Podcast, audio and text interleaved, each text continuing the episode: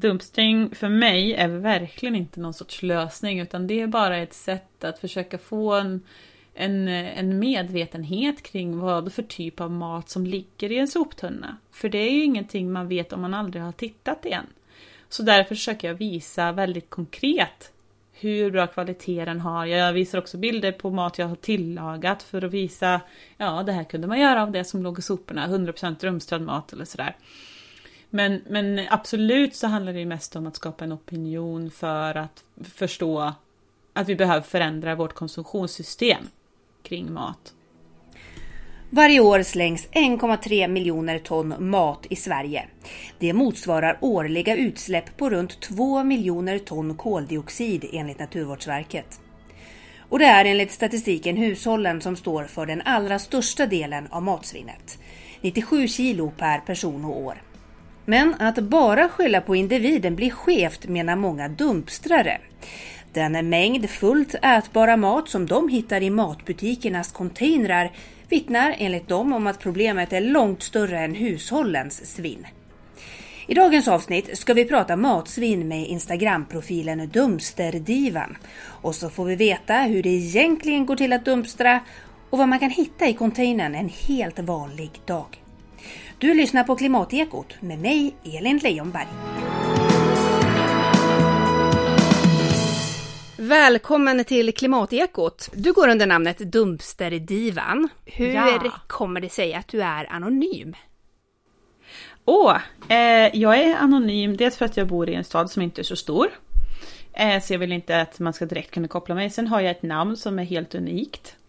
Eh, vilket också gör att jag är väldigt enkel att hitta om jag inte skulle vara anonym.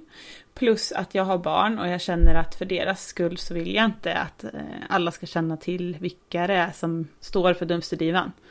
Eh, ifall någon skulle tycka att det är konstigt eller ah, dina barn äter sopor när man inte har liksom insikten i vad det är för någonting som jag gör. Eh, känns det som att det kan bli en känslig diskussion. Så, så därför är jag anonym. Finns det någonting som du kan berätta om dig själv då? Så vi får som en bild av vem du är. Ja, absolut. Jag är eh, strax över 30. Jag har två barn. Eh, jag läser just nu till socionom. Jag eh, bor på gård och har höns och bin. Eh, gift med en man. Visst dumstrar ni tillsammans? Ja, det gör vi när vi kan. Men eftersom att vi har småbarn så eh, är inte det alltid så enkelt. Men däremot så började vi med dumpstringen tillsammans efter en dejt. Eh, så då provade vi liksom, vi hade tittat på Maträddarna och så funderade vi på om det verkligen kunde vara så illa som de visade i ett avsnitt där på SVT. Eh, och efter en, en date night med bio så bara, äh, men nu är klockan tillräckligt mycket för att åka och titta. Så då åkte vi och tittade och så hittade vi hur mycket som helst och då kände vi att eh, vi ville fortsätta och försöka göra någonting för det. Så då gjorde vi tillsammans och vi har gjort det några gånger till men eh, vi har ju oftast inte någon som har barn ändå så att oftast så är vi en av oss iväg. Men den här första gången när ni gjorde det, var det här någonting som ni ändå hade funderat på innan och var öppna inför? Eller slog tanken er bara? Alltså jag hade nog inte direkt tänkt att det var någonting för mig. Jag hade testat en gång innan för många år sedan. Men, men då var jag verkligen inte den här personen som var bekväm med att göra något som är så obekvämt. Eh, jag tänkte nog inte att det var någonting som jag skulle göra sådär. Men eh, någonstans så tar ilskan över för det här att man eh, får se hur illa det är. Så det gör att det blir mer viktigt att vara i det obekväma än att ha det bekvämt. Om du förstår hur jag menar. Hur var det då den här första gången? Det var jätteläskigt. Jag, var inte, jag har inte varit en sån person som har brutit så jättemycket normer innan och sådär. Eh, och det är ju verkligen en, en stark norm att man inte går och rotar i någon sopor för då är man ju uteliggare eller har liksom andra stora ekonomiska problem. Eh, det är ju så vad normen säger, hur det är. Men jag tyckte att, eh, eller jag tittade nog mig väldigt mycket omkring, försökte se vart ifrån människor kom och eh, om det kom någon.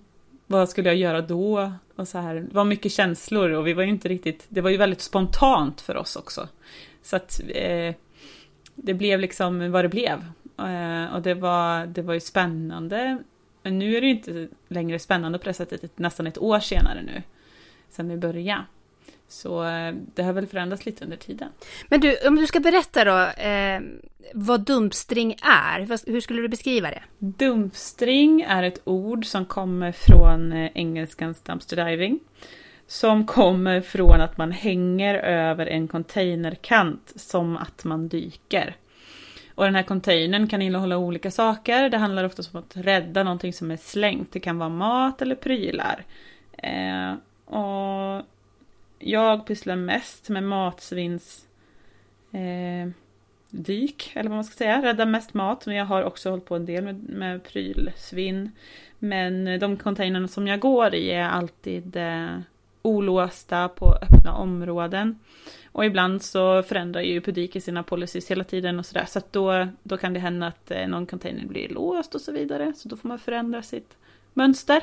Men hur går det till då när du, när du gör det här? Det enda man kan vara förberedd med är väl att mentalt veta varför man gör det. Alltså, är det viktigare för dig att se till att rädda någonting och göra den klimatnyttan? För när man räddar någonting så blir man ju alltså man, i princip klimatpositiv. För det som har slängts har ju förbrukat sitt värde på något sätt och skulle istället bli antingen biogas eller bara eh, värme från brännbart. Så någonstans så äter ju du någonting som inte längre ansågs vara mat. Så det tycker jag är en fin grej. Men i alla fall, då tycker jag att det är viktigt att man vet varför man gör någonting. Så att om någon kommer och ifrågasätter ska man inte bete sig som att man är en inbrottstjuv eller någonting sånt. Utan eh, det är väldigt oklart vad lagen säger egentligen. Det är inte, inte ett tydligt brott att dumpstra i öppna container på öppna områden. Och därför så tycker jag det är viktigt att man liksom äger det om man gör det. Så att gör man det får man stå för det också. Och därför så kan man liksom innan gå igenom i huvudet varför det är viktigt för en. Varför är det viktigare att göra det här än att inte göra det? Vad är det som gör att eh, det är viktigt för mig? Så att man går igenom den grejen. Men sen så är det, finns det andra mera fysiska förberedelser som att eh, ta med sig ett par riktigt bra handskar. Är man kort kan man ta med sig en pall. Har man så kan man ta en sån här eh, grip som eh, eh, typ kommuner brukar gå runt och plocka skräp med. Om, om man inte vill liksom hoppa ner i någon container.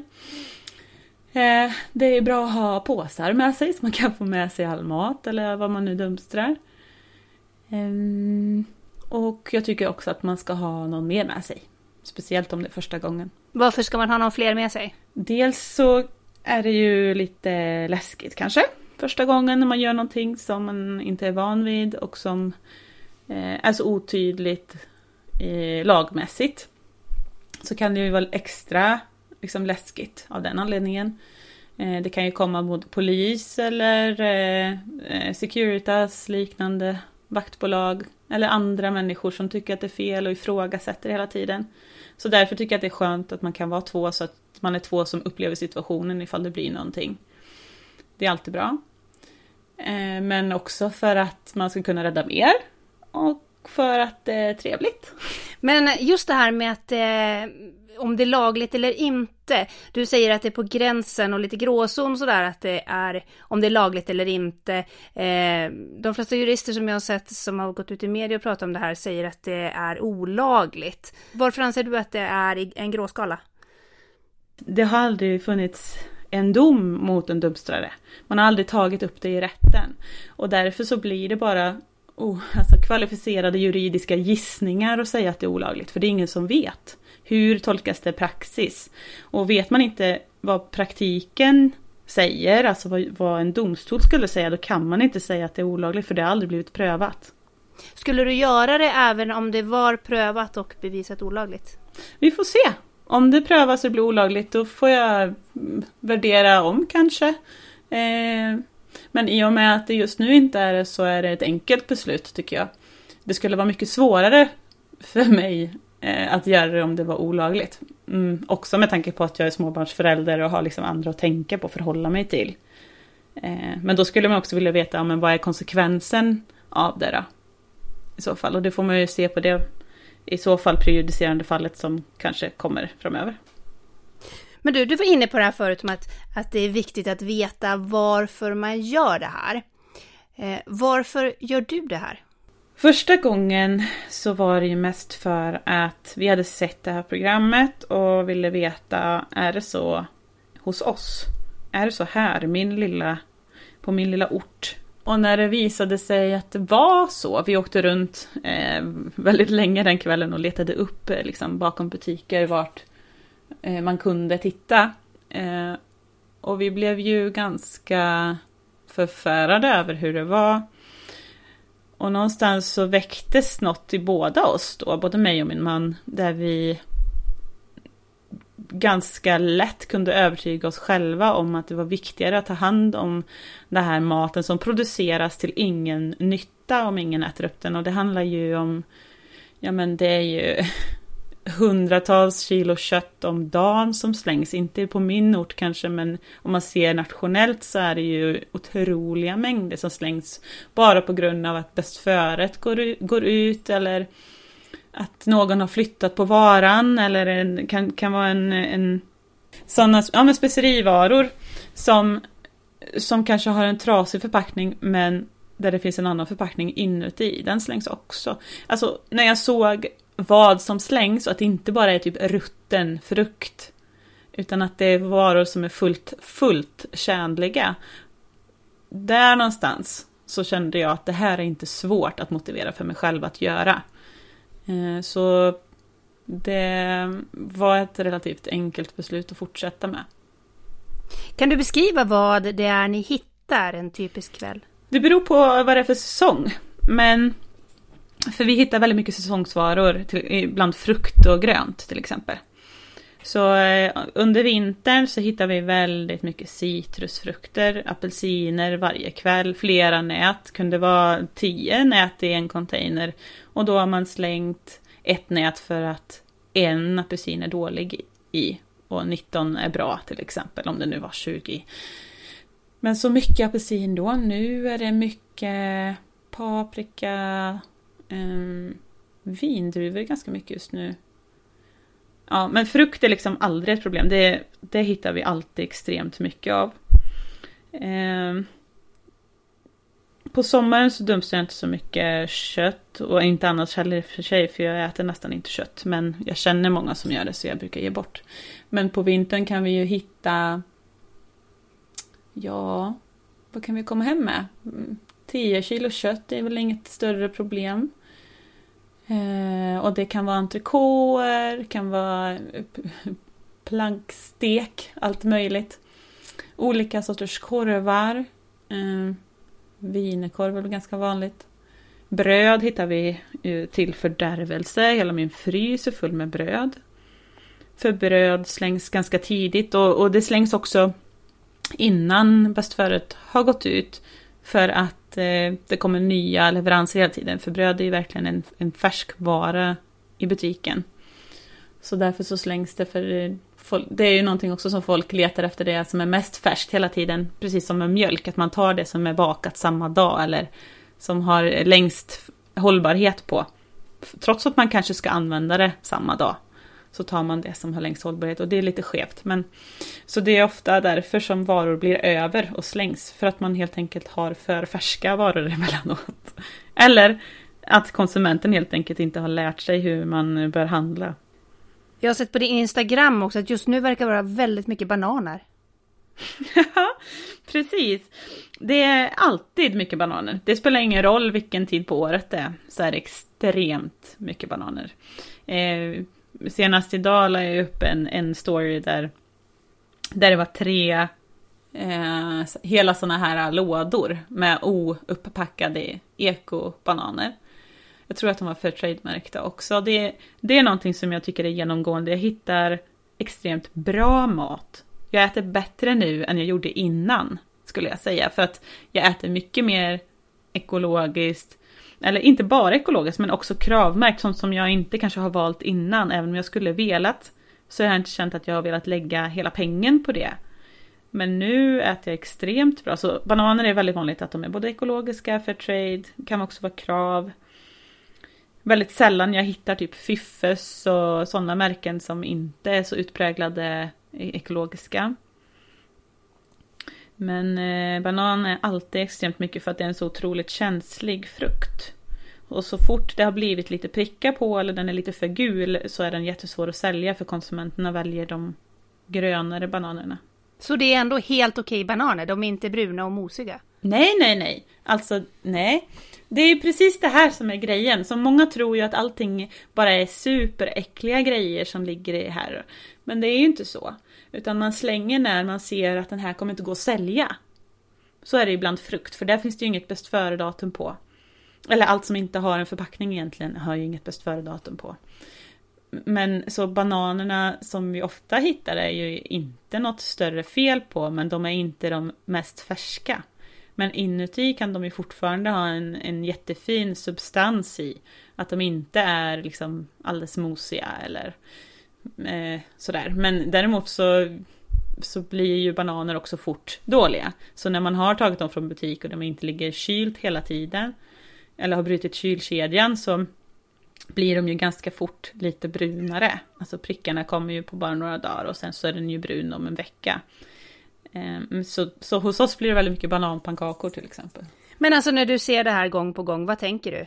Ja, alltså jag tycker att det är väldigt jobbigt eh, att det aldrig eh, görs någonting åt med krafttag. Däremot så känns det som att det mer och mer uppmärksammas. Eh, med matsvinn och prylsvinn också för den delen. Och det tycker jag är skönt för då känns det som att det kanske är någonting som kommer hända. Det blir mer och mer eh, svinnlådor i olika butiker. Både att det finns en, en eh, specifik låda där de lägger mycket svinnvaror men det finns också sådana lådor där de packar ner massa frukt i en låda och säljer hela lådan för 20 kronor till exempel. Eh, så att det känns som att medvetenheten ökar mer hos konsumenterna vilket gör att butikerna svarar på det. Så det är väldigt positivt. Eh, och man sänker till större grad också varorna men kanske inte till så låga priser men så 30% är relativt vanligt men det hade kanske behövt vara mer om man ville sälja dem på riktigt. Kan jag känna.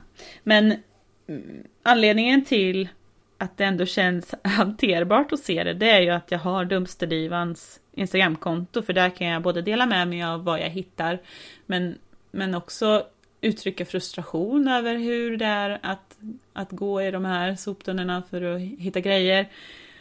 Eh, och jag ser det som en sorts utlopp för att försöka skapa opinion och skapa medvetenhet kring hur butiker slänger. För att det är svårt att förstå innan man har sett det.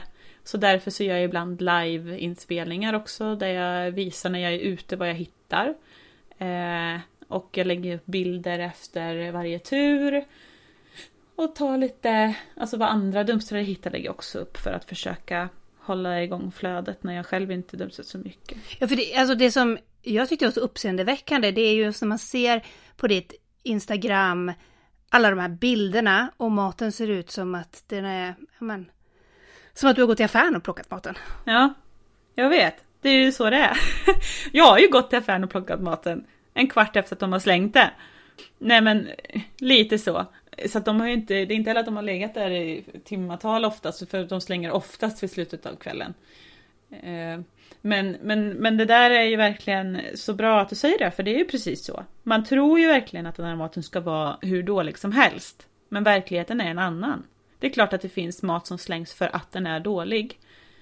Men till väldigt stor del så är det inte så. Till väldigt stor del slängs mat trots att den är bra, men det finns annan mat som är mer färsk och då väljs den i första hand. Men hur tänker du då kring just det här med hygien när du dumpstrar? Eh, för du vet ju ändå inte riktigt varför den här maten faktiskt har slängts. Nej, men om man ser till, eh, till datummärkningen bäst före så vet man ju till exempel att eh, där gäller titta, lukta och smaka. Eh, och sen så kan det ju vara trevligt om förpackningen inte har varit helt trasig om det är en färskvara. Då vill man ju inte det. Alltså ett mjölkpaket som är öppnat tar jag ju till exempel inte. Eh, men men man kommer så mycket längre på det än många tror. Att det, det, är verkligen, det är verkligen det redskapet som man har att använda för att se och avgöra om mat är tjänlig eller inte. Datumet är bara en rekommendation. Det är ju till och med som mindre än det. Det är ju det, är det som produktions... Eller ja, den som har tillverkat produkten. Den säger att den garanterar att varan ser likadan ut fram till det datumet som den gjorde från när den lämnade producenten. Och därefter såg ansvaret över till butiken eller den som säljer att, att liksom säkra kvaliteten på den här varan. Så egentligen är ett bäst före-datum bara då det kan börja vara så att den här varan kommer att se lite äldre ut eller eh, smaka något annorlunda. Som, men som filmjölk till exempel, det kan ju hålla i sex månader efter bäst före-datum. Längre än så vet man inte för det har man typ inte testat. Så att det finns många sådana svårigheter egentligen. Men, men Ja, så det är ju bäst före. Men sen så finns det ju också en märkning som heter eh, sista förbrukningsdag. Och det är inte alla som känner till skillnaden mellan dem. Men sista förbrukningsdag, den anger varor som kan ha bakterier efter det datumet som man inte kan se, lukta eller smaka. Och de bakterierna kan då göra att man blir sjuk. Så sådana varor tar jag inte särskilt mycket och tar jag dem så tillagar jag dem samma dag eller dagen efter. Eh, så där har man ju en skillnad i alla fall. Eh, sen så finns det ju även sådana varor som inte har något utgångsdatum och där är det ju bara att titta, titta på dem. Jaha, ser, de, ser det ut som att skalet är helt? Ja, är det helt? Då kan jag ta med den. Eh, och sen så luktar man och man tittar och man smakar som med färskvaror. Men säg att det har varit, det, det ligger massa äpplen där i. Eh, äter du dem med skal på sen då? Ja, det gör jag. Jag tvättar dem väldigt noga. Jag skulle säga att, att jag tvättar nog, jag tror att min frukt hemma är renare än kanske din frukt hemma. För att jag tvättar ju min frukt väldigt, väldigt noga jämfört med de som handlar vanligt kanske. Det är inte generellt för alla. Men, men jag tror att många tänker inte på hur många som kanske har plockat den här frukten som ligger där. Så man glömmer ofta bort att skölja ordentligt. Man, man kanske slänger in det några sekunder under vattnet men man har inte egentligen sköljt av det ordentligt. Så att, eh, och där har jag, vi har aldrig blivit sjuka. Ingen av oss, inte vi och inte våra barn. De äter ju också allt det här. Och jag skulle inte ge någonting till mina barn som jag inte var säker på var bra heller. Så att eh, av den anledningen så sköljer jag ju saker väldigt noga. Har man gjort det med någonting som inte ses vara en fara eller, eller sådär så ska det inte det vara ett problem. Vad säger era barn om det här då? Ja, de är så små att de förstår nog inte konceptet än. De är tre och fyra. Så att de, de säger inte så mycket om det egentligen, men eh, det, det som jag tycker är mest positivt är att de alltid får smaka så mycket olika mat. För att vi tar ju det vi hittar i princip. Vi, vi lever nästan helt på dumpstrad mat. Eh, vi, vi kompletteringshandlar emellanåt och nu under sommaren så blir det lite mera. Eftersom att vi inte vill gå i tunnorna när det är så varmt för att det luktar ganska illa då. Så, men våra barn säger nog inte så mycket om det. Men eh, vänner, familj, bekanta, vad säger de? Ja, de tycker väl lite olika. Eh, en del familj väljer ju att eh, till exempel att inte eh, äta våran mat och det är helt okej. Okay. Alla får ha liksom eh, sin process och sina åsikter och tankar, känslor kring det. Det är helt okej. Okay. men då vet vi vilka det är och då har vi alltid sett till att vi har köpemat hemma så att vi kan dela med oss av det. Eh, men sen finns det annan familj som gärna tar emot eh, när vi får mycket av någonting och det är ju ofta, ofta mycket av någonting varje gång. För att eh, man rensar ur en del i butiken och då är det till exempel jättemycket mjölk eller jättemycket yoghurt eller någonting jättemycket frukt. Ja, och då kan det vara skönt att ha andra närstående som kan tänka sig att ta emot. Och det har vi. Så att där är det väldigt delat egentligen, men det är ingen som på något sätt eh, ifrågasätter alltså vårt välmående eller våra barns välmående på grund av detta. För mig är det väldigt viktigt att, eh, att min familj vet om att vi har dumpstrad mat. Eh, så det har vi varit tydliga med från början. Men det är också väldigt viktigt att man får ha det valet fortfarande, att inte äta den. För man, de har ju inte varit där, de har ju inte varit och plockat den och jag kan förstå om man är rädd att, att man ska bli sjuk eller hur har det egentligen sett ut. Då. Eh, så att det är liksom, det får, det får vi ta. det känns som ett eh, litet problem egentligen. Därför att diskussionen uppstår ju fortfarande. Och diskussionen är ju det som jag vill åt. För diskuterar vi hela tiden våran, liksom vårt konsumtionssätt så kan vi ju hjälpa varandra att förändras och göra någonting bättre tillsammans. Men första gången ni själva skulle äta den här maten, var det några tveksamheter då? Nej, jag tror att det var lite tvärtom. Vi tog ju typ allt vi kunde hitta. Frukt som var ganska dålig kanske, och man bara men, men det går att skära bort en massa på den här och då kommer vi kunna äta det. Och, ja, och då blev det mycket så. Och nu är vi mera, eh, mera selektiva redan vid soptunnan, inte bara hemma sen när man ska göra det i ordning. Det blir alltid ett visst spill liksom. Att, att allt är ju inte bra som vi får hemma oss, men det är också svårt att avgöra i, i, när det är mörkt eller sådär. Eh, men eh, nej, jag tycker nog att eh, vi, vi får med oss mindre men bättre. Vad är det konstigaste som du har hittat? Eh, jag hittade rökt grynkorv. Um, inte alls länge sedan, det har jag aldrig hört om. Det tyckte jag var lite roligt. Den ska jag snart testa. Faktiskt. Uh, äter inte så mycket korv och sånt, men rökt grynkorv. Jag vet inte, jag, jag gillar rökt och jag gillar grynkorv så det kanske är en ny favorit. Vi får se. Uh, annars så är ju typ uh, efter jul och så, då hittade jag väldigt mycket produkter ifrån en, en kedja som har eh, låga priser. Eh, de, de slängde säsongsvarorna. Så det som inte blev sålt slängde de i soporna. Som var helt och rent och så. Och då hittade jag ju jättemycket handdukar med julmotiv och allt möjligt. Jag har ett helt gäng med såna här du vet, grytvantar eller grytlappar som man har till, till ugnen. Ja, lite sådana udda grejer. Hörlurar hittade jag ett helt gäng också.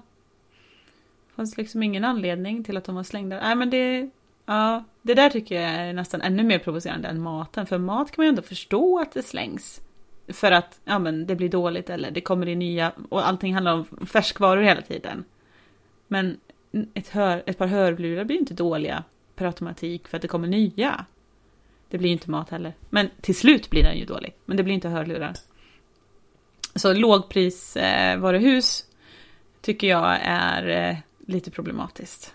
Av den aspekten att de slänger mycket för att de har för låga priser för att spara det till nästa säsong och göra det försvarbart ekonomiskt för dem. Får du den här känslan av att du vill rädda allting du ser och sen så sitter ni där med jättemycket grejer hemma hos er, mat och prylar och sådär som, som har kastats? Eller hur pass selektiv är du när du väl står där? Numera relativt selektiv. Det är något jag har fått lära mig. För att man tar ju lätt allt när man vill rädda allt. Jag har möjligheten, jag är här, jag har plats i kassen i alla fall. Kylen blev visst full lite snabbare än jag tänkte. Ja. Men andra har plats och man kan att ge bort och sådär. Men, men eh, absolut, det har blivit mycket mer selektiv. Och, och det, det tror jag faktiskt sticker i folks ögon emellanåt också när jag skriver om det på Dumpsterdivan. Ja, men varför tar ni inte allt liksom? Men, men de kan omöjligt förstå vilka mängder det handlar om. Det är helt otroligt. Om jag skulle åka ut varje kväll också och hämta då, det är ju, jag vet inte hur många frysar jag hade kunnat fylla nu. Det är liksom helt otroliga mängder. Jag kan inte ta hand om så mycket. Så nu har jag landat i att jag tar, jag tar hand om det jag kan istället och så gör jag det ordentligt så att jag inte behöver slänga det jag tagit med hem i alla fall. Men eh, det, det har varit en balansgång som är svår faktiskt. Men ja, jag har också landat i att det finns ju faktiskt fler och fler som dumpstrar. Men sen finns det ju också människor som, som dumpstrar för att de kanske har för låg ekonomi eller har behov av att hitta mat helt enkelt. Och då känns det också skönt att det finns någonting kvar, att inte jag har liksom länsat allting. Tänker du att det här med dumpstring är någon typ av lösning på problemet med matsvinn? Gud nej. Absolut inte. Det har jag sagt eh, väldigt mycket på min Instagram-profil att dumpstring för mig är verkligen inte någon sorts lösning utan det är bara ett sätt att försöka få en en, en medvetenhet kring vad för typ av mat som ligger i en soptunna. För det är ju ingenting man vet om man aldrig har tittat igen. Så därför försöker jag visa väldigt konkret hur bra kvalitet den har. Jag visar också bilder på mat jag har tillagat för att visa, ja det här kunde man göra av det som låg i soporna, 100% rumstrad mat eller sådär. Men, men absolut så handlar det ju mest om att skapa en opinion för att förstå att vi behöver förändra vårt konsumtionssystem kring mat. Hur tänker du att man ska komma till bukt med det här problemet då? Ja, men det finns väl lite olika vägar att gå kanske och, och vilken som är rätt, det är ju svårt att säga i, förväg. Men dels så tror jag verkligen att det behöver eh, liksom, politiska styrmedel, kanske lagar och eh, annat att förhålla sig till som, som butiksägare eh, eller näringsidkare. Eh, sen så, så känns det också som att vi behöver någon sorts samhällsinformation där man lär sig om hur hur man tittar, luktar, smakar på mat. Hur ser kött ut innan den är dålig till exempel? Det har vi jättedålig kännedom om sen vi slutade handla i skärk och så vidare. Eh, så sånt hade ju varit eh, något att börja med i alla fall. Eh, det hade också varit skönt om butikerna valde att istället för att ha mer ekonomi, mer vinst ett år, försöka lägga den vinsten på att rädda maten istället. För det hade de ju kunnat göra. Det hade alla butiker kunnat göra, men de väljer ju att gå på vinst för att ekonomisk tillväxt är så mycket viktigare för dem. Och det är någonting som jag tycker är både ett problem men också svårt. För att man behöver ju ha en tillväxt för att kunna utöka sin verksamhet. Men någonstans kanske man bara ska vara nöjd. Eller man har en verksamhet som flyter. Måste man alltid tjäna mer pengar? Det tycker jag är lite svårt. Eh, men eh, det hade varit intressant att se om det var en butik som skulle välja att, att testa det. Så här, ja, men vi tar våran vinst minus en viss summa såklart så att man har för oförutsedda händelser. Men och lägger den på extra personal som hela tiden tar hand om svinnet och ser till att vi kan sälja ut det eller kan skänka det till någon välgörenhetsorganisation och så vidare. Undrar vad de skulle få för respons och, och för, för förändring eh, reaktioner hos sina kunder. Det hade varit väldigt intressant. Sen i Frankrike finns det ju en lag som, som säger att man inte får slänga mat som är tjänlig från butik och restaurang tror jag också. Utan den ska skänkas till välgörenhet. Sen fungerar inte den lagen så det är jättebra i praktiken. Men, men eh, ja, det är logistiska problem egentligen. Men det är en intressant lag att se till för att man ser att det börjar hända någonting och där har man valt att göra det genom lagtext. Eh, kanske hade det varit bättre att göra det genom sopsortering. Eh, att man tvingar butiker att eh, sortera mat för sig. För så är det inte nu. Utan nu ligger allting i en härlig blandning i de här containrarna. Det ligger glas, metall, mat, eh, ja allt möjligt. Hel, hel butiksinredning kan ligga i de här containrarna tillsammans med mat. Så de blir ju inte ens till biogas. Det är liksom dubbeldåligt. Så sätt. Ja, så kunde man börja reglera kanske sånt så skulle man i alla fall kunna minska eh, svinnet genom att lägga kanske skatt på matsvinn. Men just nu har man ju ingen skatt på det. Så, men då ligger det ju på kommunal nivå. Eh, och kommunen kan redan göra det om de vill. Så det hade ju varit eh, toppen om en kommun ville testa det så vi kunde se om det kan göra en skillnad. Hur stort ansvar har vi som konsumenter i det här? Egentligen har ju vi ett jättestort ansvar. För att eh, om inte vi väljer att agera på ett visst sätt så kommer inte butiken välja att agera på ett visst sätt. Så våra konsumtionsmönster och vanor är ju det som någonstans skapar det här beteendet hos butiken. Så självklart har konsumenten ett stort ansvar så. Men vi kan ju också tänka så då att om vi har varit med och skapat det systemet så borde ju vi kunna vara med och förändra det systemet. Sen menar inte jag att man ska lägga allting på individen, för det tycker jag är fel väg att gå. För det gör man mer och mer. Man pratar om det här med att var tredje matkasse slängs och eh, att vi slänger si och så många kilo per person i varje hushåll. Men man ser inte till att det finns ju extremt många andra sektorer där mat slängs. Som butik, storkök och andra, eh, ja men redan i produktionsledet till exempel. Eh, så det är lite problematiskt att lägga allting på individen, så det vill jag inte göra. Men självklart så kan individen ha en jättestor del i att faktiskt förändra vårt system. Om man då vill göra någonting och som känner den här frustrationen som du känner, men kanske inte ändå vill ta steget att dumpstra. Eh, hur, hur, vad ska man göra som individ? Ja, jag, jag, tror ju på att man måste hitta någonting som kan eh, göra att man känner att man gör någonting aktivt så att man inte Eh, drabbas av någon sorts klimatångest eller sånt som många pratar om idag. Jag tycker det är ett väldigt starkt uttryck men eh, ändå. Och då skulle man ju till exempel kunna handla väldigt mycket på lågt datum. Man kan utgå från eh, svindlådan i sin butik. Man går först till den lådan där de lägger det som är kort datum på, så planerar man sin vecka utifrån de varor som ligger där. Eh, dels så tjänar man på det, eller man tjänar inte men man behöver inte lägga ut lika mycket pengar. Eh, och sen så räddar man mat, för att den maten slängs ju inom kort. Så det är ett, ett sätt. Sen kan man ju också om man ser dålig frukt eller någonting och man ändå kan tänka sig att köpa den så kan man gå till kassan och fråga om man får köpa den billigare. Det är inte alltid man får det, men eh, det kan man få göra. Så det är ju ett par saker kring mat i alla fall. En annan kan ju vara om man köper en pryl som får ett, en liten defekt men som kanske inte gör någon skillnad för dig. Ja men då kanske det inte är så viktigt att gå, gå tillbaks med den bara för den här lilla grejen.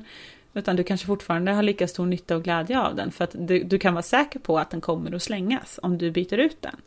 Så då har man liksom gjort en dubbel onytta på något sätt. Först så konsumerade man nytt, vilket inte är någonting som jag förespråkar. Utan, ja. Men sen så, sen så har man liksom, alltså, vad heter det? Man har konsumerat den två gånger. Men eh, sen skulle jag nog absolut på toppen av min lista säga använd det du har hemma. Det är ju absolut viktigaste, att du konsumerar ju ingenting om du använder det som du faktiskt har. Och vi är ett samhälle som just nu översållas av prylar. Vi har mycket prylar. Har du det inte hemma så kan jag lova att det finns en andrahandsmarknad för det du söker. Det kan vara vart som helst. Det finns på Tradera, Blocket, eh, valfri second hand-butik såklart. Däremot så måste man ha mer tålamod. Så någonstans tänker jag att tålamod är en väldigt viktig parameter i att kunna förändra sin egen eh, klimatpåverkan. Har man bara tålamod då kan man hitta väldigt mycket av det man söker eh, andra hand. Så för det är liksom redan producerat. Det är ju mer hållbart än att köpa en produkt som är hållbart producerad fast ny.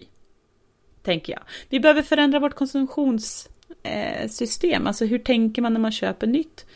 Eh, kanske inte köpa så mycket nytt. Mer använda, kanske låna. Man kanske inte behöver köpa en skruvdragare. En skruvdragare producerar typ 51 kilo skrot till exempel.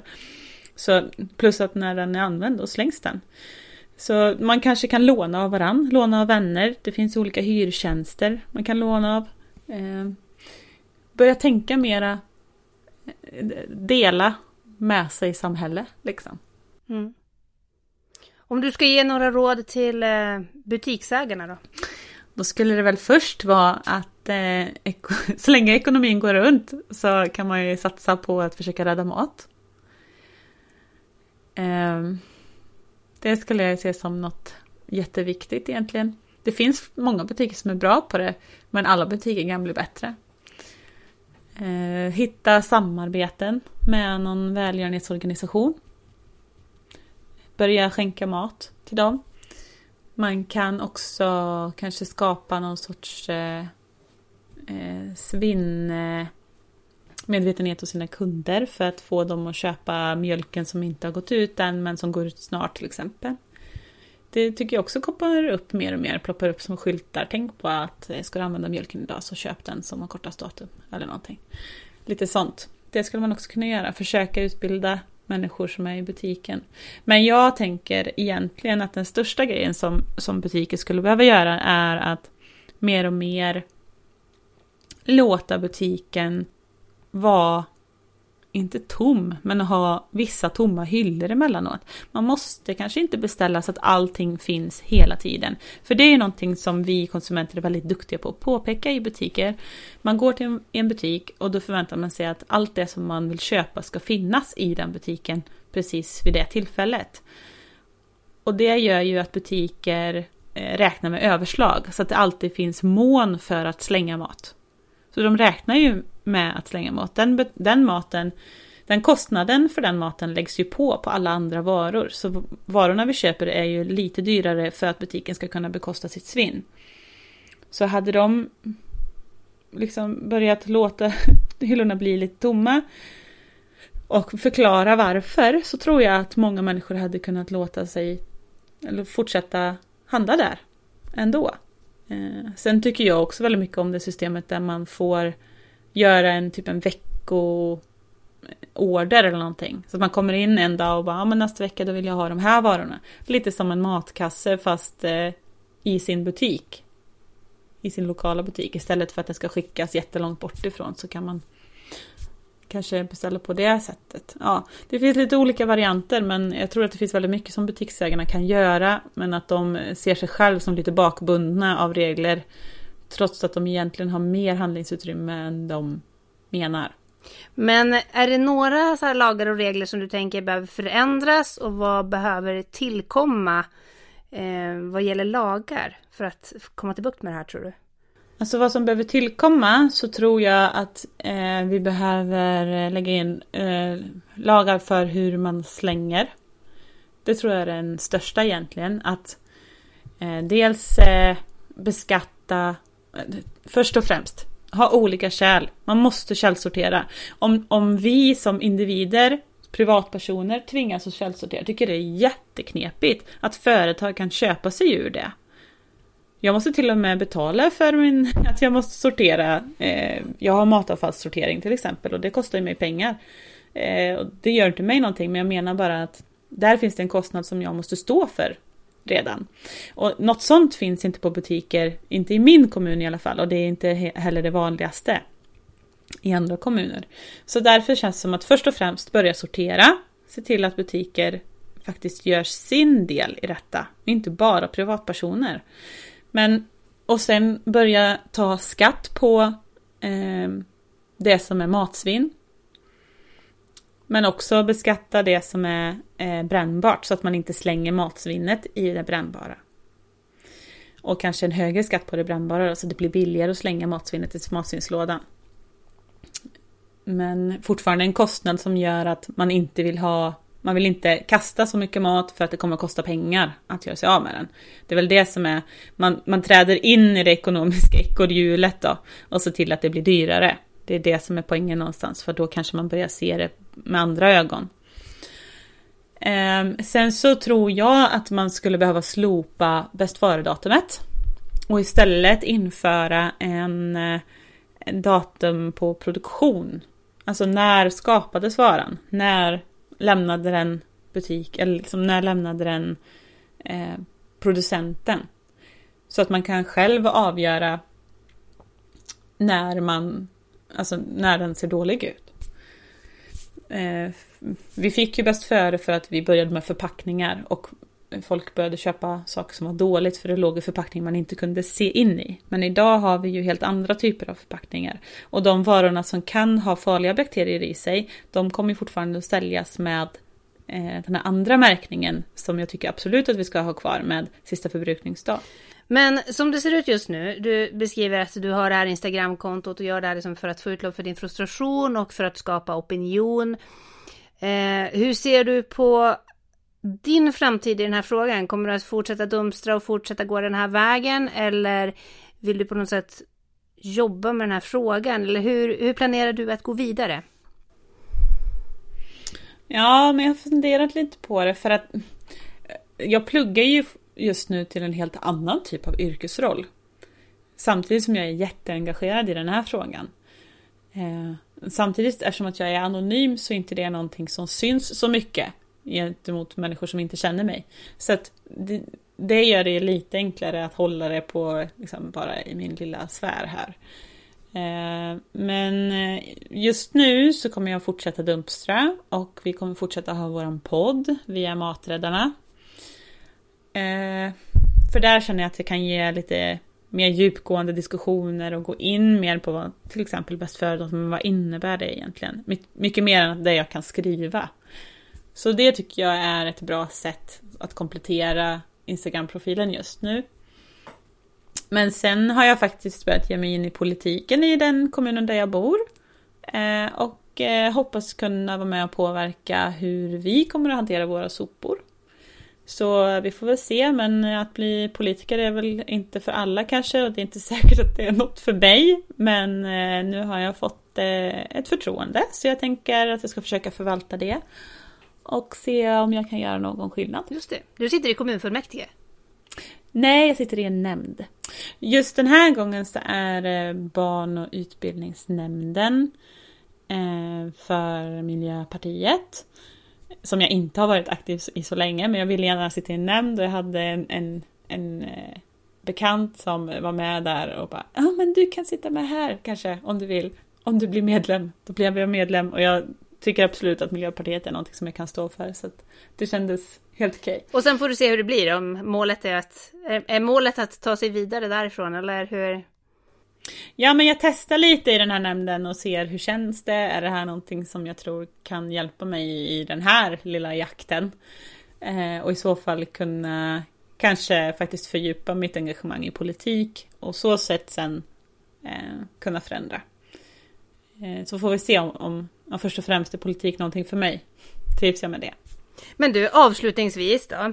Eh, du har varit inne på, vi har varit inne på det tidigare här nu, men om du ska ge tre tips till den som sitter och lyssnar och känner frustration över detta matsvinn.